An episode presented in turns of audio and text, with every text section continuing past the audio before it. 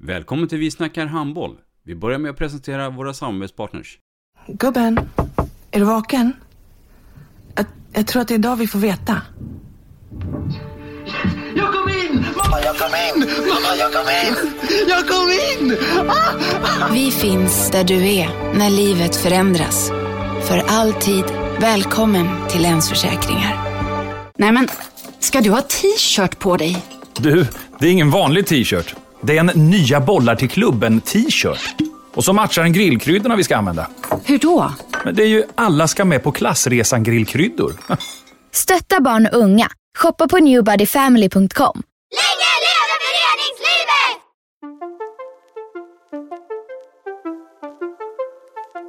Välkommen säger vi till dig som lyssnar till den nya handbollspodden Vi snackar handboll med Robban Z och Dagge. Vi snackar handboll, där du får veta alla sanningar som du inte visste att du missat. Vi snackar handboll.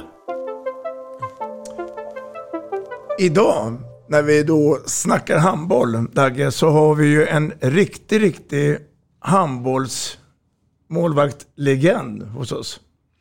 Ja men visst är det så. Vi har ju Peter Gensel här. Eh, en, som, en målvakt som jag tror alla minns från den här Bengan Boys-eran. Välkommen Peter. Tack så mycket. Hans Peter Ludvig Gensel. Vem är det? Det är jag det. Eh, kul att få vara med i podden vill jag börja säga. Det eh, ska bli intressant att se vad ni har laddat med för frågor. Eh, jag är en eh, Göteborgskille egentligen, även om jag bott eh, några år i, i min ungdom i Stockholm också. Som eh, älskar idrott eh, generellt och handboll framför allt kanske. Eh, som nu är inne på mitt 53 år. har jobbat för svensk elithandboll nu egentligen sedan 2011. så det blir 10 år i år. och tycker det fortfarande är väldigt roligt. Mm. Du har familj?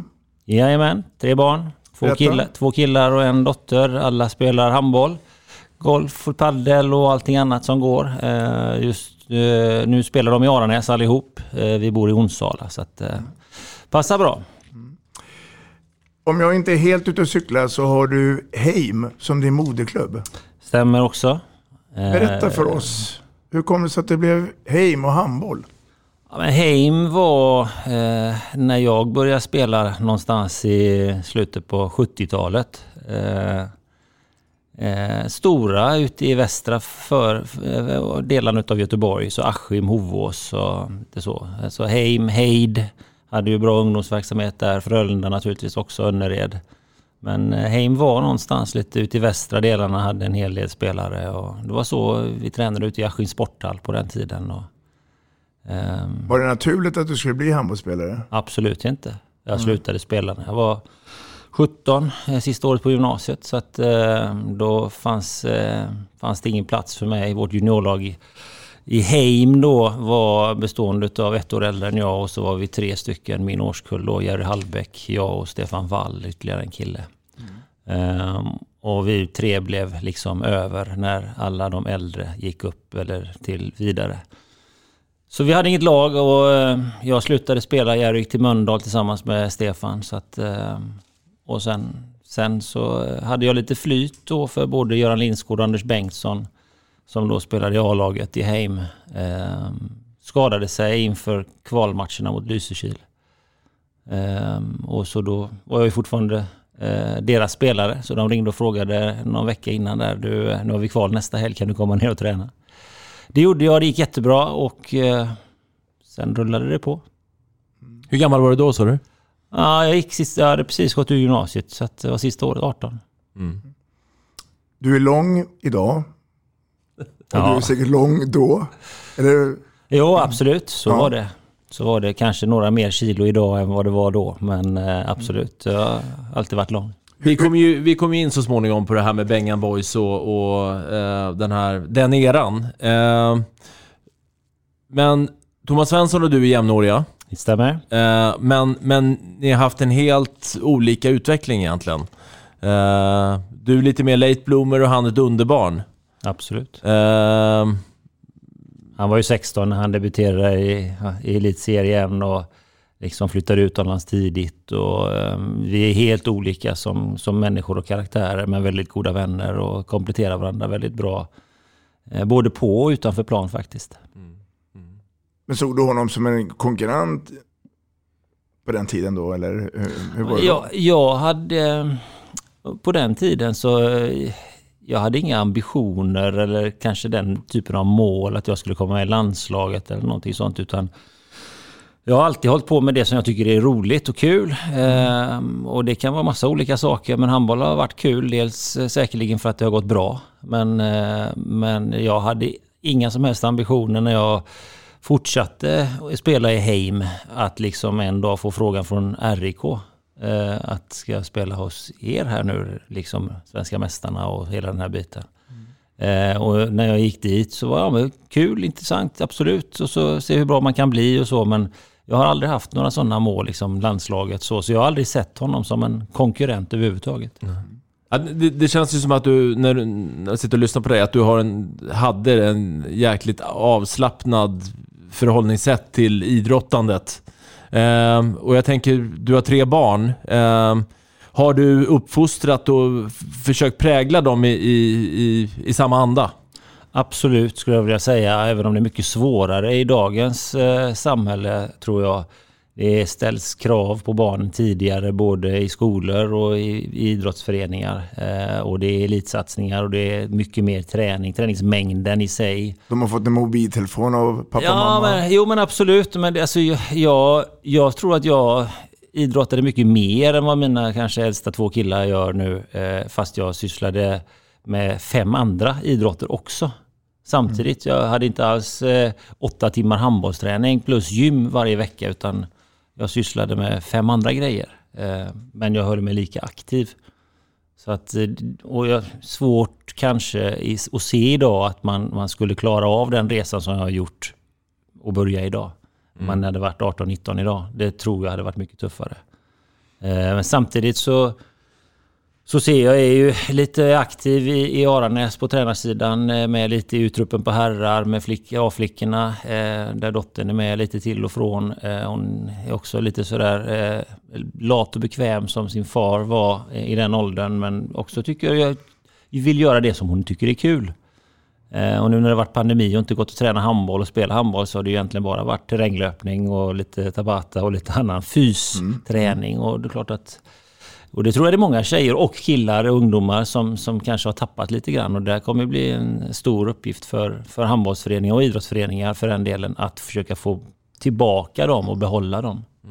Eh, Jag, jag tänker lite så här att många av eh, dina jämngamla målvaktskollegor och konkurrenter och sådär har ju fortsatt långt efter karriären att bli målvaktstränare. Eh, Jag tänker på Janne Ekman och Klasse Hellgren och Mats Olsson och Thomas Svensson och så vidare. Eh, Du har inte varit lika aktiv. Nej, och jag var, jag var ju jag var med initialt med Mats och Thomas eh, när de körde igång sitt. Eh, de ville gärna ha, i och med att jag var lite annorlunda spelstil och lite annorlunda tänkare i målet Mm. kanske än vad de två är och var. Så var jag med lite grann där, men jag hade inte tiden då. Jag var med under en kort period med damlandslaget eh, och sen var jag i Kiel en säsong också. Mm. Men eh, överallt så, så har liksom kravet och önskemålet varit att jag ska lägga ännu mer tid och det har inte funnits utifrån arbete och familj så att eh, då har jag valt att släppa det. Mm. Men eh, ja, eh, Morris Lundin kom ju till kom ju till Aranäs denna säsongen så igår var han första träningen så lyssnade jag lite på hur han pratade med tjejerna i målet. Så att, eh, ja, det, det är Känns- kul att se men, det- men det är egentligen inget... Jag, jag har lite annan syn. Alltså jag tycker ju... Jag har ju sett Foppas eh, skola och Jannes och allting sånt vilket är jättebra. Men jag, när jag tittar på, på ungdomar som står i mål idag så tittar jag mer på vilka förutsättningar har de för att bli bra.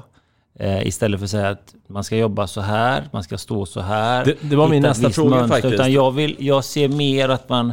För jag tror på det. Och just målvakter är den, den spelaren då i, i, i lagspelet, handboll, som kan vara lite udda, lite individuell och vara lite annorlunda. Klart grundfysik, lite förutsättningar, liksom bas så. Men jag tror på att man ska utveckla de här egenheterna, eller de här som, som gör att de sticker ut lite. Ja, eh, det är intressant tycker jag. För jag, jag, kan, jag kan hålla med dig lite grann. Att nu har ju det här eh, målvaktsutbildningen verkligen fått ett genomslag. Eh, men ofta så undrar i alla fall jag sådär, kan man verkligen stöpa alla målvakter i samma form? Eh, och lite det du säger är ju att du inte riktigt håller med om det. Ja, men jag tror inte riktigt på det. Det var någon ledare i vår eh, ledargrupp eh, för, för Aranäs ungdomsverksamhet som la ut eh, här är grundställningen för målvakter. Då hade de haft en målvaktsutbildning där. Och ja, absolut, men ja, hur man har händerna eller hur man jobbar med fötter och liksom... Jag tror att det...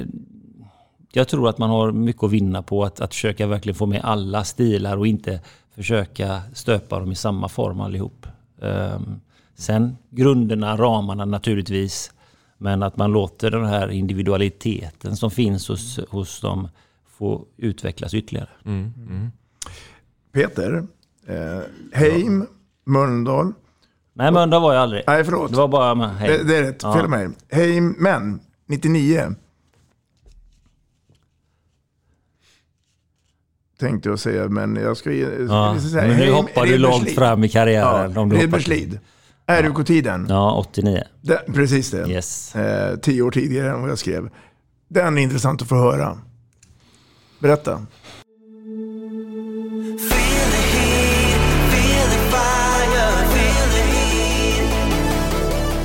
På restaurang Hit är kärleken till vällagad och god mat vår största passion. Vi jobbar med att förädla bra råvaror till en fantastisk slutprodukt. Frukost, lunch eller catering. Hos oss äter du alltid god hemlagad mat. Välkommen hit! Solid Sport är handbollens hem för streaming av matcher. Hos oss hittar du allsvenskan, division 1, division 2, USM, ungdomsmatcher och mängder av handbollskupper. På solidsport.com svensk handboll hittar du det senaste samt kommande matcher från Handboll-Sverige. Vill du själv även komma igång och börja sända matcher för ditt lag? Gå in på solidsport.com för att läsa mer.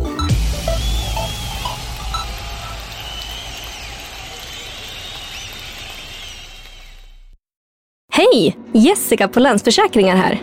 När du väljer oss får du inte bara banktjänster och försäkringar som passar dig. Du bidrar dessutom till fler aktiviteter, mer rörelse och utveckling för barn och ungdomar. Våra samarbeten inom det lokala föreningslivet känns bra i både hjärta och mage. Välkommen att prata med oss på Länsförsäkringar Gävleborg.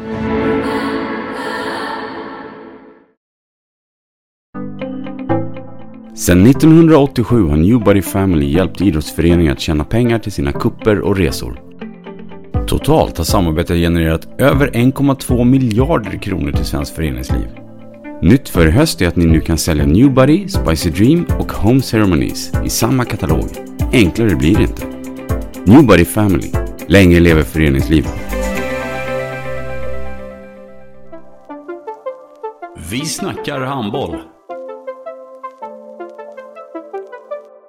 Ja, men jag kom ju eh, väldigt ung och eh, jag tror inte att jag hade insett den talangen jag hade. Eh, medans, Vem såg det på det då? Ja, uppenbarligen var det väl, väl ja. Arne Johansson och tränarna i RIK som någonstans hade fått upp ögonen för mig. Jag spelade ju med en del eh, spelare i Heim som, som hade varit eh, på hög nivå och som någonstans ändå sa att fasen om du bara bestämmer dig så kan du gå hur långt som helst. Mm. Um, och jag vet inte om jag har bestämt mig än idag, men, men det gick ju bra ändå. Mm. Men, men, um, ja, men det, var, det var flera som, som kanske sa det då och jag tänkte väl inte särskilt mycket på det då, men så här i efterhand naturligtvis reflekterat över det. Men, men eh, det, det, så jag väldigt lojal lagspelare kan man väl säga att jag är. Um, och när jag kom till RIK så var jag jätteglad att få vara med och, och träna med, med de stora spelarna, de duktiga liksom så. och, och försökte bli bättre och bättre. Och, eh, men jag hade liksom ingen... eh, Bengt Westphal var där, Mm. jätteduktig målvakt eh, också. Liksom, än dig va? Två Eh? Två eller till och med kanske tre. Men oavsett, jätteduktig och allting sånt. Och det var någonstans, eh, tränarna ville ju att jag skulle ta upp kampen och liksom verkligen försöka ta mig förbi Bengt. Men jag var ganska nöjd, var med i gänget, laget, träna, hoppa in och spela lite grann och sådär. Och hade kanske inte ambitionen att fasen jag ska peta honom, jag ska bli bäst. Alltså, jag var rätt så nöjd med läget. Så det, det hamnade väl eh, efter ett par år där när, när, när Ola Li och Reine Pedersen mer eller mindre sa att du nu är det dags för dig att ställa dig och du behöver inte titta hit mot bänken för vi kommer inte byta ut ändå. Så antingen så får du liksom ta bollen eller så får du, får du stå där med byxorna ner och plocka ut den efter varje mål. Så, så det blev ju mer att de stängde den möjligheten för mig. Dagge, han är, Eh. han är lite ödmjuk, Peter, eller? Ja, men det är inte överraskande. Det, jag hade nog trott på den bilden också, eh, faktiskt. Eh, du, du nämnde här eh, Reine Pedersen och eh, Ola Li. Eh, kan du försöka beskriva det, de två människornas betydelse för RIKs enorma framgångar under just den här tiden? De hade ju tankar och de hade viljan och de hade målsättningar och de ville skapa någonting. Ehm, och de byggde, de, de kompletterade varandra väldigt bra som individer också. Eh, men hade väldigt samma syn, som jag har uppfattat i alla fall, på hur handboll ska spelas och, och vad man ville uppnå med, med gruppen. Eh, och de lyckades ju eh, ta över och skapa eh, när, när storlaget liksom lämnade för proffslivet stort sett. Och det början på 90-talet blev ett gäng unga eh, talanger eller mer eller mindre talangfulla spelare från Göteborgsområdet som de satsade på och byggde någonting eh, som, som verkligen gav resultat. Men eh, fantastiska tränare och människor eh, och som visste när det var dags att ryta ifrån eller, eller lyssna. Så att, ja. Ja, eh, Drott var väl eran stora antagonist under, under de här åren. Absolut. Eh, jag vill minnas att det, att, det, att det skilde rätt mycket synsätt hur handboll skulle spelas mellan de här två giganterna i svensk handboll. Ja, men så, jag skulle vilja säga så här att eh, Drott byggde mer på individualism, 2-2-avtal, eh, 3-3-avtal, medan RIK byggde ett lagspel där varje individ kunde flyttas eller bytas ut mot en annan lagdel. Eh, för det var lagdelens och, och hela, helheten som, som gällde någonting medan eh, eh, Drott då byggde på, på individuell skicklighet och avtal 2-2 eller kanske 3-3. Så Mm. Det var väl den stora skillnaden tror jag. Att eh, det fanns ett grundspel som alla, oavsett om du var med i startsexan eller, eller satt på bänken och kom in, visste i RIK. Ehm, som skapade en trygghet naturligtvis. Om du Eh, tittar tillbaks på, på, på det du just säger idag, Mm. eh, håller de tankegångarna eh, fortfarande?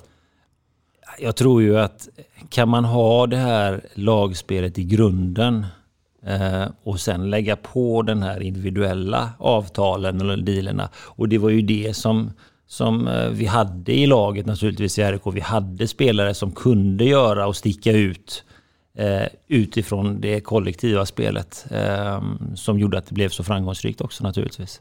Så att, men, men jag tror ju ändå, har man ett, ett, ett kollektivt spel som alla känner sig trygga med och bygger på det med de individuella avtalen och smågrejerna eh, så tror jag det är absolut... Eh, För man, man imponeras ju över hur RIK kunde förädla eh, talanger. Eh, Visst, Magnus Andersson är drott, men han var ju liksom Sveriges bästa eh, 66a.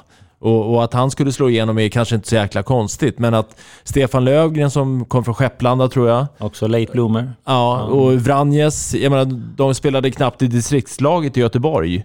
Eh, ja, det kanske de gjorde, men, men det, det är ja, men late knappt så är det. Och Jobbo Ja. var ju mer lovande Ja. i fotboll eh, nästan. Så att, eh, Ja. ja, otroligt. Peter, det blev ju många år i RUK. Mm. Om du ger oss, eh, Dagge och mig och alla som lyssnar, starka minnen, några enskilda minnen från RUK-tiden. Att jag kan tänka mig, det fanns en och annan framgång. Men det, det fanns väldigt många framgångar och segrar naturligtvis och bittra förluster. Eh, jag menar, eh, åka ut i Champions League-kval hela tiden mot Sälje var inte så jäkla roligt. Och jag menar eh, den här låten som, som de kör nere i, i hallen där nere när man kommer in och publiken skriker och så vidare. Den sitter ju någonstans där. Vi hade ju en del tunga motgångar där och vi fick tyvärr dem ofta också i, i matcherna. Men framgångarna, jag tycker den stora framgången är, är den närheten till, till de spelarna, som man, många av de spelarna som man har, som man har bibehållit. Mm. Ehm, sen det är alltid kul att vinna men det är ju grejen att man gör det tillsammans med andra tycker jag. Mm. Har du någon kontakt med RIK idag? Via mitt jobb ja. har jag naturligtvis det, men eh, de flesta är ju, är ju inte kvar där på, på samma sätt heller mm. längre. Så varken i styrelse eller i, i verksamheten. Vad tror du att RIK kommer få ha sin nya hemmaplan i framtiden? Någonstans i Storgöteborg. Mm. Bra. ja. Den här härliga resan eh, med dig och som vi går igenom här nu jag misstänker att under tiden i RUK så hade du någon form av civil karriär också eller jobb? Eller gick du heltidsanställd i RUK? Nej, eh, jag jobbade på bank eh, från början. Eh, sedan så eh, fick jag möjligheten via RIK att jobba lite med deras marknads eh, avdelning kan man väl säga. Men jobba mot partners, sponsorer med arrangemangen så mycket det gick. Eh, och det, det var ju någonstans i en ledigt satsning att kunna skapa ytterligare träningsmöjligheter för min del eh, på förmiddagar och liknande. Mm. Så att eh, när det var matchdag så var jag nere och satte upp skyltarna i Lisebergshallen och sen så åkte man hem och vilade lite och så var det tillbaka och så spelade man matchen på kvällen. Så att, så men, ska... men, så var det ett par år och sen, ehm, sen hamnade jag lite grann in på Trygg-Hansa som sen blev uppköpt av SCB. Mm. Det SCB Tryggliv och då blev det försäkringsrådgiveri sista åren. Kände du där att jag, jag skulle nog vilja satsa ännu mer på jobbet, alltså civila karriären, än handbollen? För det, det händer någonting där. Ja, men civila karriären har alltid varit viktig för mig också. Mm. Så att, eh, det, jag har ju hela tiden jobbat också, eh, även om jag har haft förstående arbetsgivare. Mm. Eh, både på, på SCB och, och på Tryggliv på den tiden. Mm. Så att, eh, och det funkade jättebra och vi hade det väldigt bra eh, och trivdes jättebra. Vi spelade liksom i Sverigetoppen och allting sånt. Och jag tackade väl nej i två, tre år egentligen till utlandsbud Just för att vi hade det bra. Både jag och min, min eh, hustru hade bra jobb hemma och så vidare. Så att... Och det var det vi skulle komma till nu. För att eh, du tar till dina två långa armar och vi omvandlar dem till vingar. Du lämnar landet för att bli proffs. Mm. I Spanien. Och det var ju mycket Mats Olsson naturligtvis. Eh, som, som då Värvande. Var, ja, han var klubbchef. Vi, vi mötte ju vi mötte Pamplona i Europacupen eh, och jag gjorde två riktigt bra matcher mot dem och någonstans där så eh, fick jag ett samtal direkt efter. Och Jaume Fort som stod eh, gammal, för, för er äldre poddlyssnare så, så vet ni att det var en duktig spansk landslagsmålvakt och han spelade då i Teca Santander också gick till Tyskland eh, och då blev den platsen ledig och Mats var klubbchef då, eller sportchef i eh, Santander. Så eh, då ringde han och frågade om vi skulle ner. Mm. Du har ju spelat i två olika klubbar i Spanien, om inte jag är helt ute och cyklar. Jajamän. Mm. Ska, vi, ska vi ta den första? Ja, det var BM eller Ballonmano Santander då, mm. ett år. Jag hade ett femårsavtal men ekonomin funkade mindre bra i klubben. Eh, det var ganska mycket strul det första året, eh, eh, måste jag säga. Mm. när jag flyttade till Santander flyttade Thomas Ivertsson från Drott och Jobomir Vranjes då från RIK till Granollers utanför Barcelona. och efter första säsongen så fick jag flera anbud faktiskt men, men kände väl eh, just eh, vänskapen till Jobbo och även Thomas i viss del eh, gjorde att vi flyttade till Granollers. Där jag också skrev på ett femårskontrakt. Mm. Stämmer det? Mm. Eh, och uh, arbetsgivaren i Göteborg då, trodde de då att nu är det tack och hej från uh, Peter? Jo, men jag sa, vi var väl ganska tydliga med, med att jag sa upp mig där uh, ifrån från SEB Tryggliv och sen sa vi vi håller kontakten så får vi se. Eh, skulle det bli så att det går åt helvete så får vi väl se om det finns en ny tjänst någonstans. Men, hur, Hur är det med spanskan idag? Ja, den funkar ganska så bra, måste jag säga. Lika bra som min och Daggis tillsammans kanske? Ja, det vet jag inte. Men eh, jo, nej, men jag skulle nog vilja påstå att jag klarar mig relativt bra i Spanien fortfarande och kan nog ställa upp på både en och annan liten radiointervju eller liknande. Eh, Så, så det blev fem år där? Du fullföljde? Nej, det gjorde jag inte. Efter ett år i Granollers så flyttade vi till Nordhorn. Ah, okej. Så att det blev ett år i Santander, ett år i Granollers och sen flyttade vi till Nordhorn där det blev åtta till. Då. Ja. Och det var dit jag vill komma till. Ja. Eh, Men ni gick före mig. Men det är helt rätt. Du byter språk och land. Ja. Från Spanien till Tyskland. Stämmer också. Eh, Kent Harry har ju ända sedan han var i Drammen i Norge och alltid ringt och frågat du ska du inte komma hit och så vidare. Och han hade även ringt ifrån från Nordhorn då. Ehm, Men eh, vi trivdes jättebra i Spanien. Ehm, Vi trivdes bra med allting egentligen. Och, ehm, och det som blev avgörande var att Jobbo hade ett år kvar på sitt kontrakt. Jag satt med ett femårskontrakt nyskrivet. Och det kändes väl inte som klubben just då ville förlänga. Eh, Och då kom Nordon och sa, eh, men vi tar er bägge två på ett femårskontrakt. Och då blev det väl mer liksom, vi har hängt ihop ganska länge, eh, våra, våra familjer här. Så att då sa vi, då sticker vi och testar Tyskland. Mm. Och så hamnade vi i Nordhorn. Och där har du lite otur. För att eh, om jag inte är helt borta så eh, finns det en förkortning som heter KK. Mm. Konkurs. Mm. Nordhorn. Ja, hände? men man kan väl säga så här. Vi, det var ju flera svenskar och, och danskar och norrmän för den del också som var i Nordon och vi pratade ju naturligtvis mycket med dem innan vår flytt, eh, innan vi skrev på och allting sånt. Hur funkar det? Liksom, ja, men, det grymt bra. Alla var jättenöjda och ekonomin funkar jättebra. Det är löneutbetalning i tid och så. Och sen flyttade vi dit och det är klart att eh, vi var ju inte billiga på den tiden. Eh, men vi hade första året ett fantastiskt bra lag och blev tvåa i Bundesliga. Och hade vi fått hade vi fått lönen någorlunda i tid så hade vi vunnit Bundesliga det året. Eh, Vi förlorade borta mot Kiel. Vi hade en förlust mot Valla och Massenheim där. Där vi åker bort. Vi åker tror jag fredag, ska spela lördag och vi har inte fått lön på kanske tre månader. Och så kommer vi alla få varsin check precis när vi åker.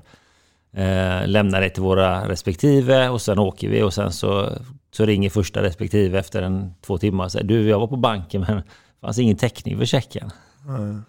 Och där någonstans var det ju liksom på väg till bortamatch. Eh, där vi sa vi fortsätter. Massenheim ligger, Valla ligger ju en bit ner så vi fortsätter ner till Schweiz. Så tar vi liksom långhelg ungefär så sa vi. Men vi förlorade matchen jäkligt onödigt och då där förlorade vi ligan också. Eh, men jag tror helt ärligt på de åtta åren jag var i Nordhorn så tror jag inte jag fick lönen i tid en gång. Men jag stannade ändå åtta år.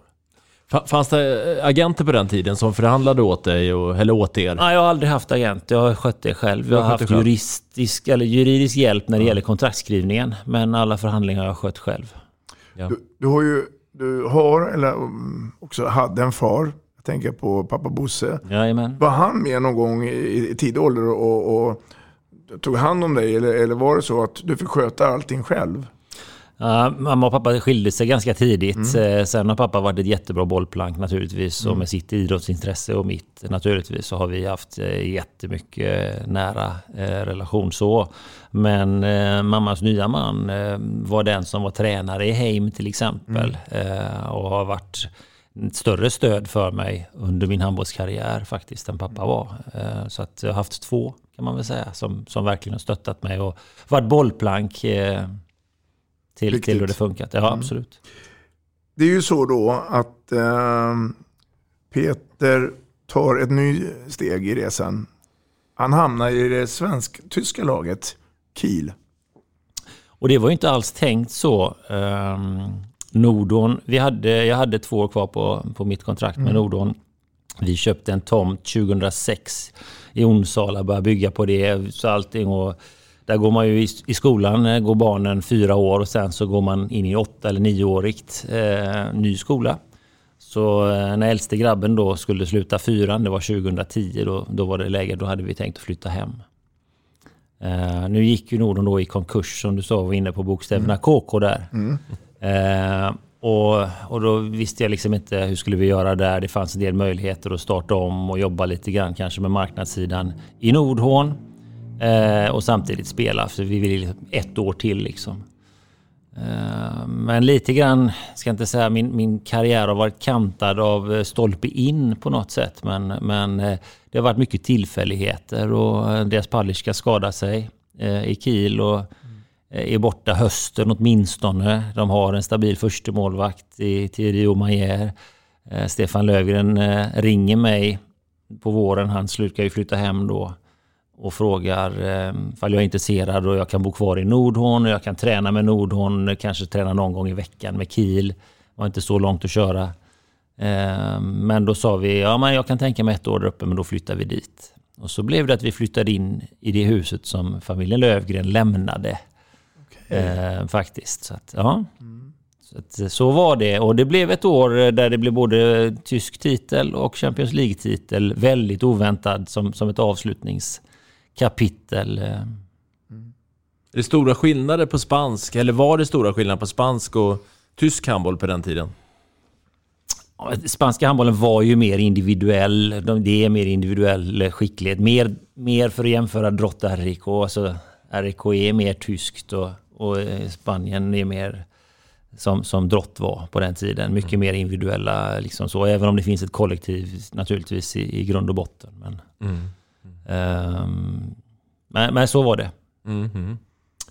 I januari i år så är det så att Sveriges herrlandslag har ju en fantastisk resa och blir tvåa i VM i Kairo. Ja.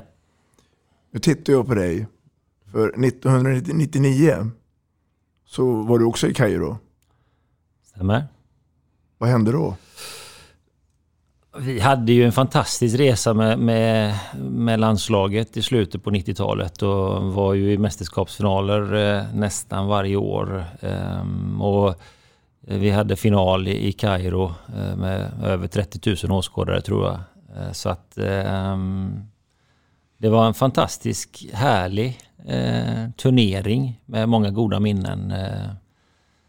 och framförallt ett bra slut. Även om det Eh, Magnus Wislander får ju rött kort, eller sin tredje utvisning mm. i början på andra halvlek någonstans där. Kunde nog nacksenan gått kanske på, på oss, men eh, Thomas Iversson kommer in och, och, gör ett fantastiskt jobb. Och hela laget någonstans, okej okay, nu gör vi det här för Magnus och tillsammans. Och det var just kollektivet som, som lyfte sig där. Um, trots ett riktigt bra motstånd och en spännande match så ja, lyckades vi hålla ut hela vägen. och fick ett efterlängtat guld. Mm. Dagge, nu är vi inne i, i den eh, stycket av intervjun med eh, Peter och det är ju landslagsperioden med Benga-Johan och kompani. Dina minnen under den tiden av Peter?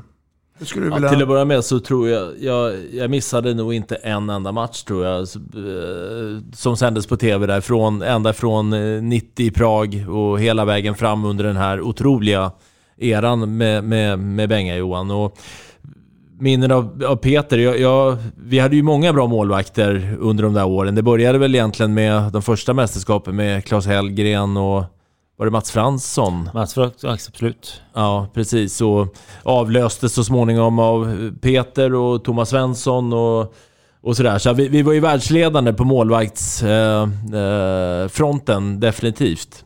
Jag, jag, är ju lite nyfiken sådär om du så här i efterhand eh, kan bena ut, varför var ni så över... Eller varför vann ni hela tiden? Vi hade en mängd riktigt duktiga spelare naturligtvis. Och det hade alla andra också? Det hade alla andra också. Eh, och det Bengan lyckades med, tror jag, som var hans riktigt storhet, det var just att få ihop de individerna till ett lag. Eh, och det kanske inte var så att vi älskade att vinna.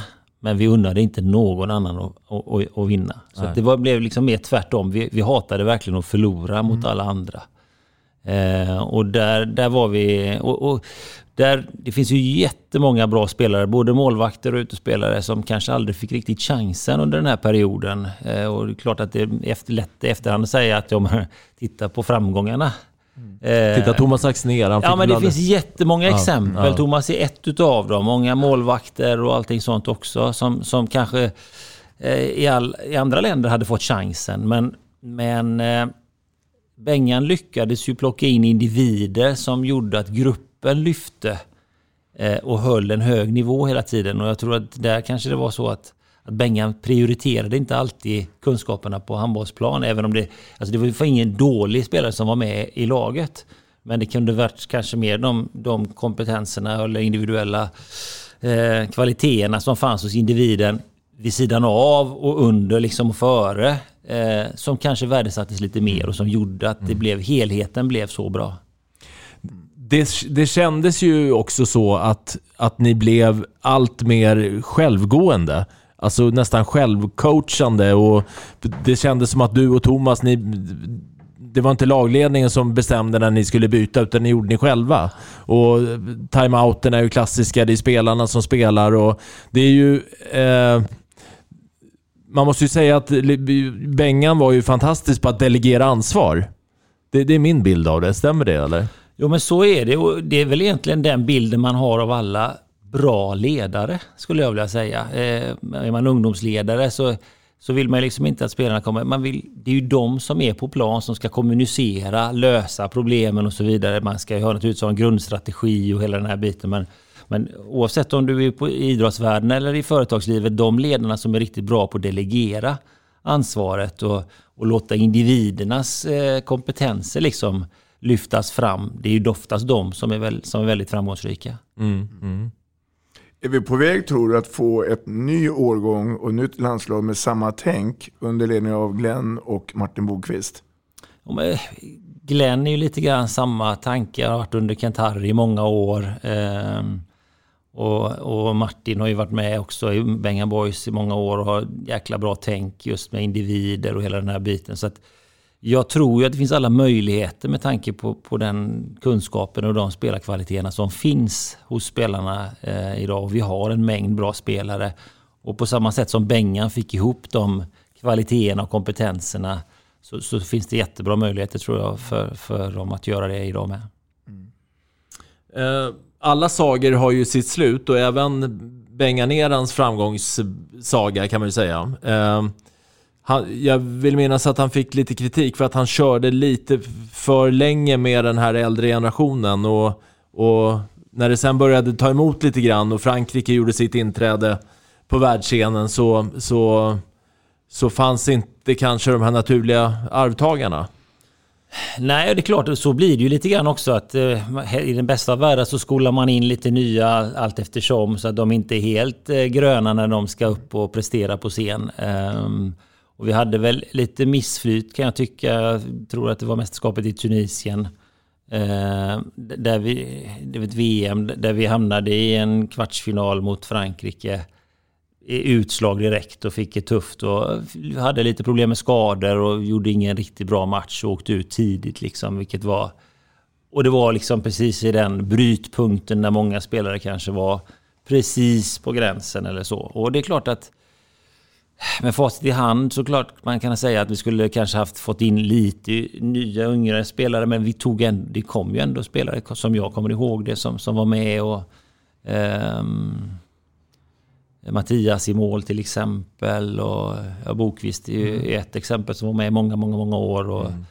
är, är tio år yngre än jag är så att um, det, det fanns ju ändå där men sen ska man ha det där lite stolpe in också naturligtvis i mästerskapen som vi hade haft i många år och så fick man stolpe ut och då kom naturligtvis kritiken som, som ja. ett brev på posten. Ja. Ni kanske fick er beskärda del av lite stolpe in eh, trots allt. Ja. OS. Eh, det blev aldrig något OS-guld. Nej, och jag för min del var med en gång och det var i Sydney. Um, I 96 i Atlanta var det bara två målvakter, Mats och Thomas. Så då, mm. Då var jag och eh, Jan Stakevich, vi var reserver på hemmaplan. Mm. Ehm, och det är ju lite grann där, det är klart att man, man hade hoppats att, att vi hade haft ett OS-guld, men, men det får väl komma framöver med det här nya gänget i så fall. Kanske redan eh, i år, det vet man ju inte, men Åter. Men möjligheterna finns absolut. Och det handlar ju om, tittar man på, på alla finaler och allting sånt så är det ju väldigt jämnt. Eh, det, det är väl bara att konstatera, vi gjorde en jättebra turnering i Sydney, men i finalen kom vi inte riktigt upp i nivå.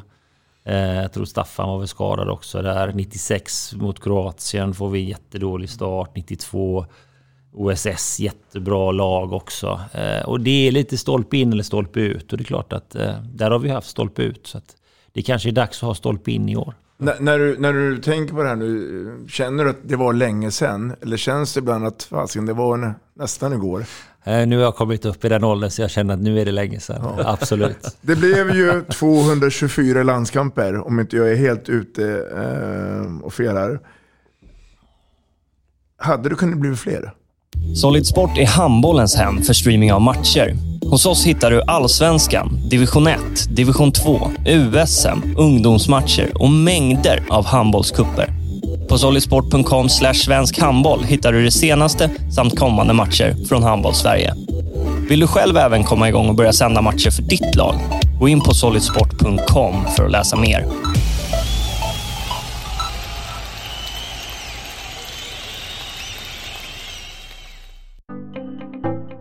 Sedan 1987 har Newbody Family hjälpt idrottsföreningar att tjäna pengar till sina kupper och resor. Totalt har samarbetet genererat över 1,2 miljarder kronor till svenskt föreningsliv. Nytt för i höst är att ni nu kan sälja Newbody, Spicy Dream och Home Ceremonies i samma katalog. Enklare blir det inte. Newbody Family. Länge lever föreningslivet.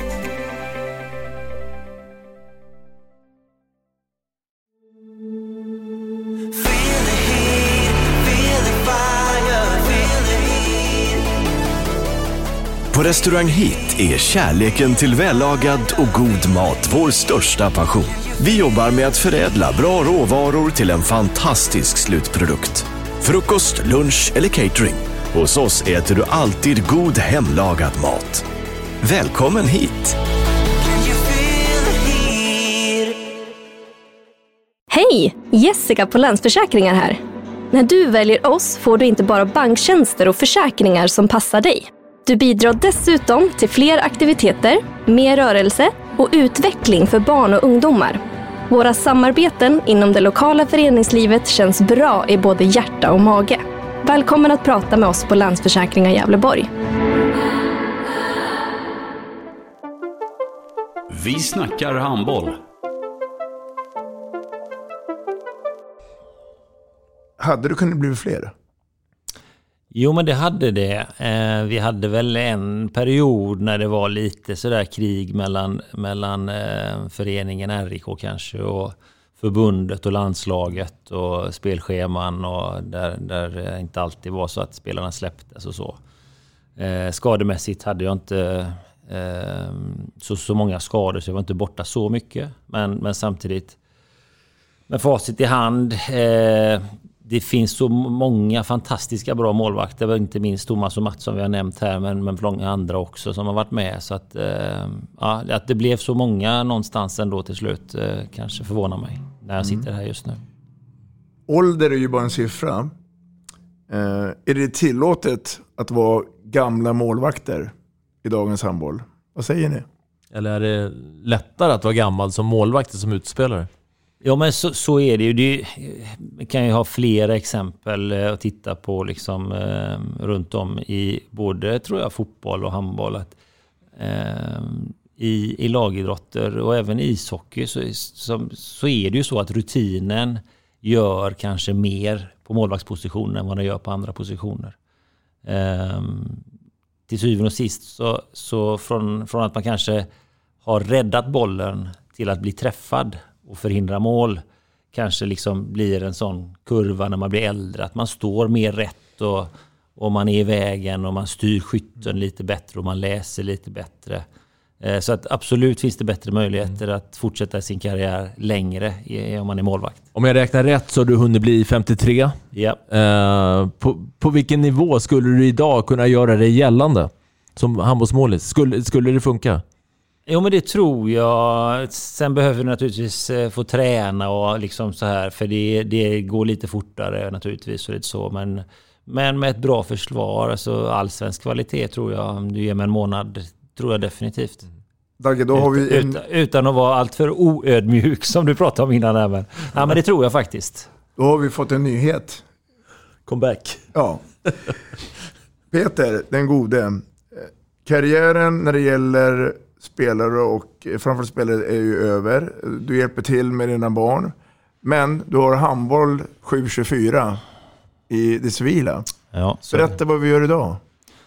Jag är VD för Svensk Elithandboll. Ehm, Mina arbetsgivare är de 12 damföreningar som spelar i SHE och de 14 här föreningar, eh, undantag av i år när det var 15, som spelar i handbollsligan.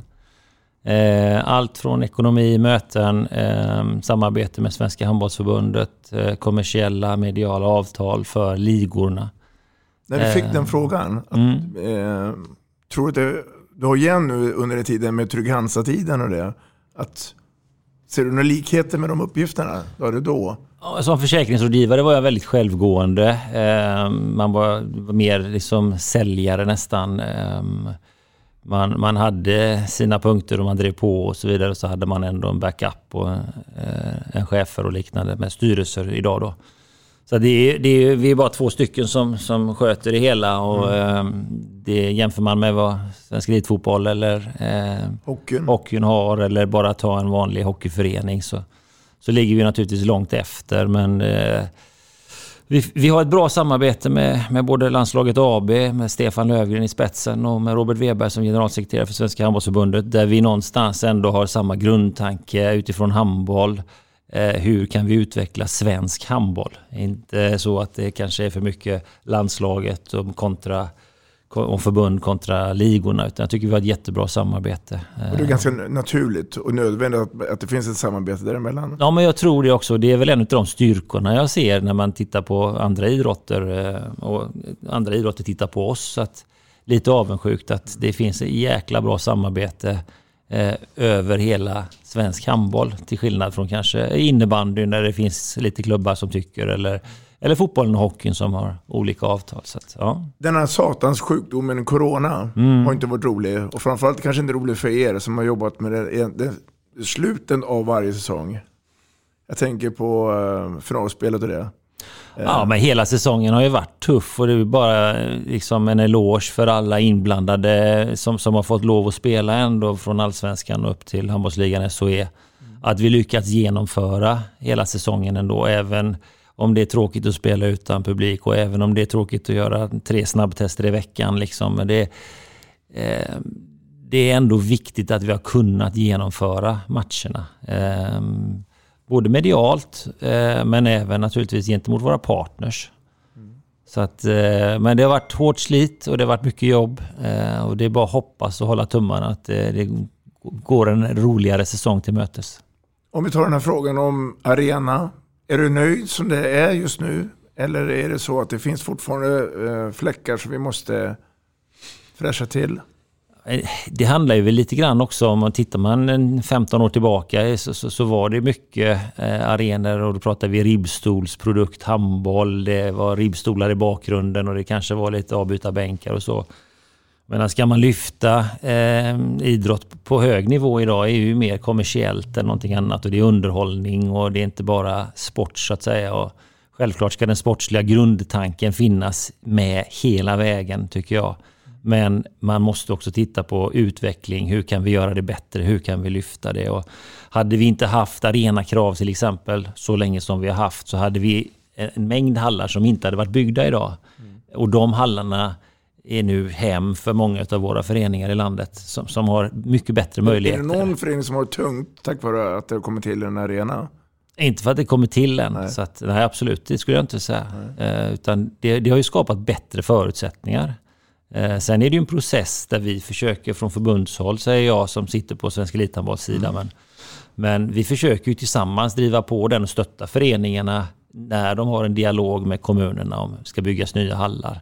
Förbundet har ju ett samarbete med fler, ett par andra förbund just om det här mu- multiarenor. Hur bygger man eh, morgondagens arenor? Vilka kvaliteter och möjligheter ska det finnas? Eh, utifrån, det finns ju, kommer ju nu, vet jag inte om det är någon som har byggt något här i Sverige nu, men men hallar med, med belysning under till där du tänder och släcker de olika linjerna för, beroende på vilken idrott du ska utöva till exempel. Att, eh, och där tror jag det är viktigt också idag att man inte specialiserar sig. Och, menar, ska vi gå till kommunen och säga att de ska investera x antal miljoner med skattemedel i, i någonting för en förening eller för en elit, eh, ett lag som spelar elitserie handboll. Såklart att då måste man titta på lite mer användningsområden bara för elithandbollen och matcherna där. Men har svensk eh, elithandboll ändå släppt lite på de allra hårdaste kraven på eh, arena? Det är ju inte svensk elithandboll som sätter arenakraven utan de finns ju med i Svenska handbollsförbundet tävlingsbestämmelserna och vi, jag sitter ju med i arenagruppen. Och det, det, är ju någonstans en, en dialog med förbundet och titta lite grann. Eh, jag skulle väl kanske påstå eh, att, att det drevs lite hårdare tidigare. Ehm, på gott och på ont naturligtvis. Eh, så är det. det. Det hade kanske behövts lite hårdare tag eller vissa, vissa hallar tid, frågor som har varit uppe här nu sista åren. Men å andra sidan så, så är det ju också vilka förutsättningar har man? Det, när vi åkte ner till, till Karlskrona och träffade kommunen där två dagar efter SHL hade varit där med, med, med tio personer som kom i kostym och sa att ja, ska ni vara med och spela SHL här så får ni bygga om för 40 miljoner. Vi var väl lite mer ödmjuka i våran framtoning där, jag och Ralf Lundberg i alla fall. Så att, eh, och hade en bra dialog och nu har de också en jättefin ny hall där nere. Ja. Så eh, det är verkligen kul att se. Och vi har tillbaka Stockholms stolthet, mm. Hammarby. Ja, vi kan väl hoppas att de inte åkt jojo framöver utan att de håller sig kvar här uppe nu. Det, det... Känner du att organisationen i Hammarby eh, är bättre idag än vad tidigare? Ja, jag var väl ute och kritiserade den lite grann för något eh, två år sedan eller någonting sånt. Och var väl lite, en del, fick vi en del samtal av Kalle Mattsson och vi hade bra dialog. Kalle var ju med i RIK också ett tag tillsammans med mig. Så att, Eh, och jag tror att de, de var ju precis och har verkligen vänt det när de anställde Kalle och skapat en ny organisation. Så att eh, det ser jättemycket bättre ut naturligtvis än vad det har gjort innan. Och det är bara hoppas verkligen att det fortsätter så. Känner du att du jobbar i en utsatt position där, där, där du understundom kritiseras lite för eh, alltså, kravbilder om arenor och dylikt? Jag tycker väl inte att jag får så mycket offentlig kritik. Jag försöker heller inte synas allt för mycket eh, ute på varken det ena eller det andra mediet så att säga. Men, men eh, jag tycker att jag har en bra dialog och eh, det är ju inte så att jag sitter och fattar några beslut överhuvudtaget utan det är ju föreningarna eh, tillsammans med förbundet i vissa fall eller själva som skapar eh, förutsättningarna. Eh, det var ju lite snack här nu, varför ska Skuru flytta till Eriksdalshallen och H65 Hör flytta till Eslöv för att spela SM-final. Men det är ju ett beslut som föreningarna, elitföreningarna i, i SHE och handbollsligan fattade när man beslutade att flyt, ändra SM-finalspelet från en till bäst av fem. Mm. Att när finalerna spelas, oavsett om det är dam och här, så ska det finnas läktare på två sidor, det ska finnas ledskärmar. Så det var ju liksom inga konstigheter egentligen, utan det är ett beslut som bottnar ifrån föreningarna. Sista, och det kanske roligaste för oss eh, handbollsnördar. Svenska kuppen är tillbaka. ATG Svenska Kuppen ja. kommer det ju heta till och med. Eh, det kan vi ju inte kommunicera förrän den här podden släpps. Så att, eh, ja, det är jättekul. Eh, det är många som har pratat om det i flera år. Och det har ju varit en utmaning framförallt för, för herrlagen. Som ju någonstans hade poolspelet och sin dubbelserie att utgå ifrån. Och det hade inte gått planeringsmässigt att lägga till en svensk cup utifrån det upplägget. Eh, när vi nu hade 15 lag eh, förra säsongen och hade ett val, ska vi gå tillbaka till poolspelet? Som ju i viss mån också var ganska kritiserat. Eh, det ena gången kanske det var geografiskt mindre bra och sportsligt lite olika.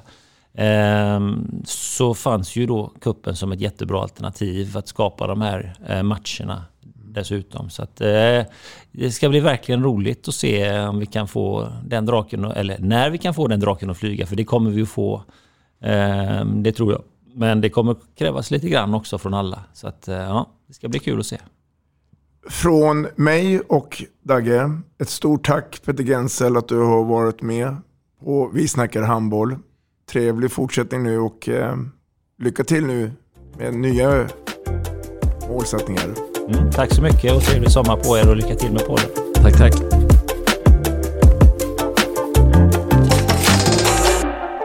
Vi snackar handboll, där du får veta alla sanningar som du inte visste att du missat.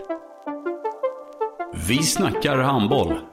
Vi snackar handboll produceras av produktionsbolaget High On Experience, från vision till passion. Ett avslutande tack till våra samarbetspartners. Hallå! Kommer ni eller? Ja, ja. Har du sett mina ankelsockar? De här? Nej, nej, jag menar skridskoslip till juniorlaget Ankelsockarna. Ja, men kolla bredvid träningsläger med handbollstjejerna-t-shirtarna. Stötta barn och unga. Shoppa på newbodyfamily.com. Länge leve föreningslivet! Gubben, är du vaken? Jag, jag tror att det är idag vi får veta. Jag kom in! Mamma, jag kom in! Mamma, jag kom in! Jag kom in! Ah! Vi finns där du är när livet förändras. För alltid välkommen till Länsförsäkringar.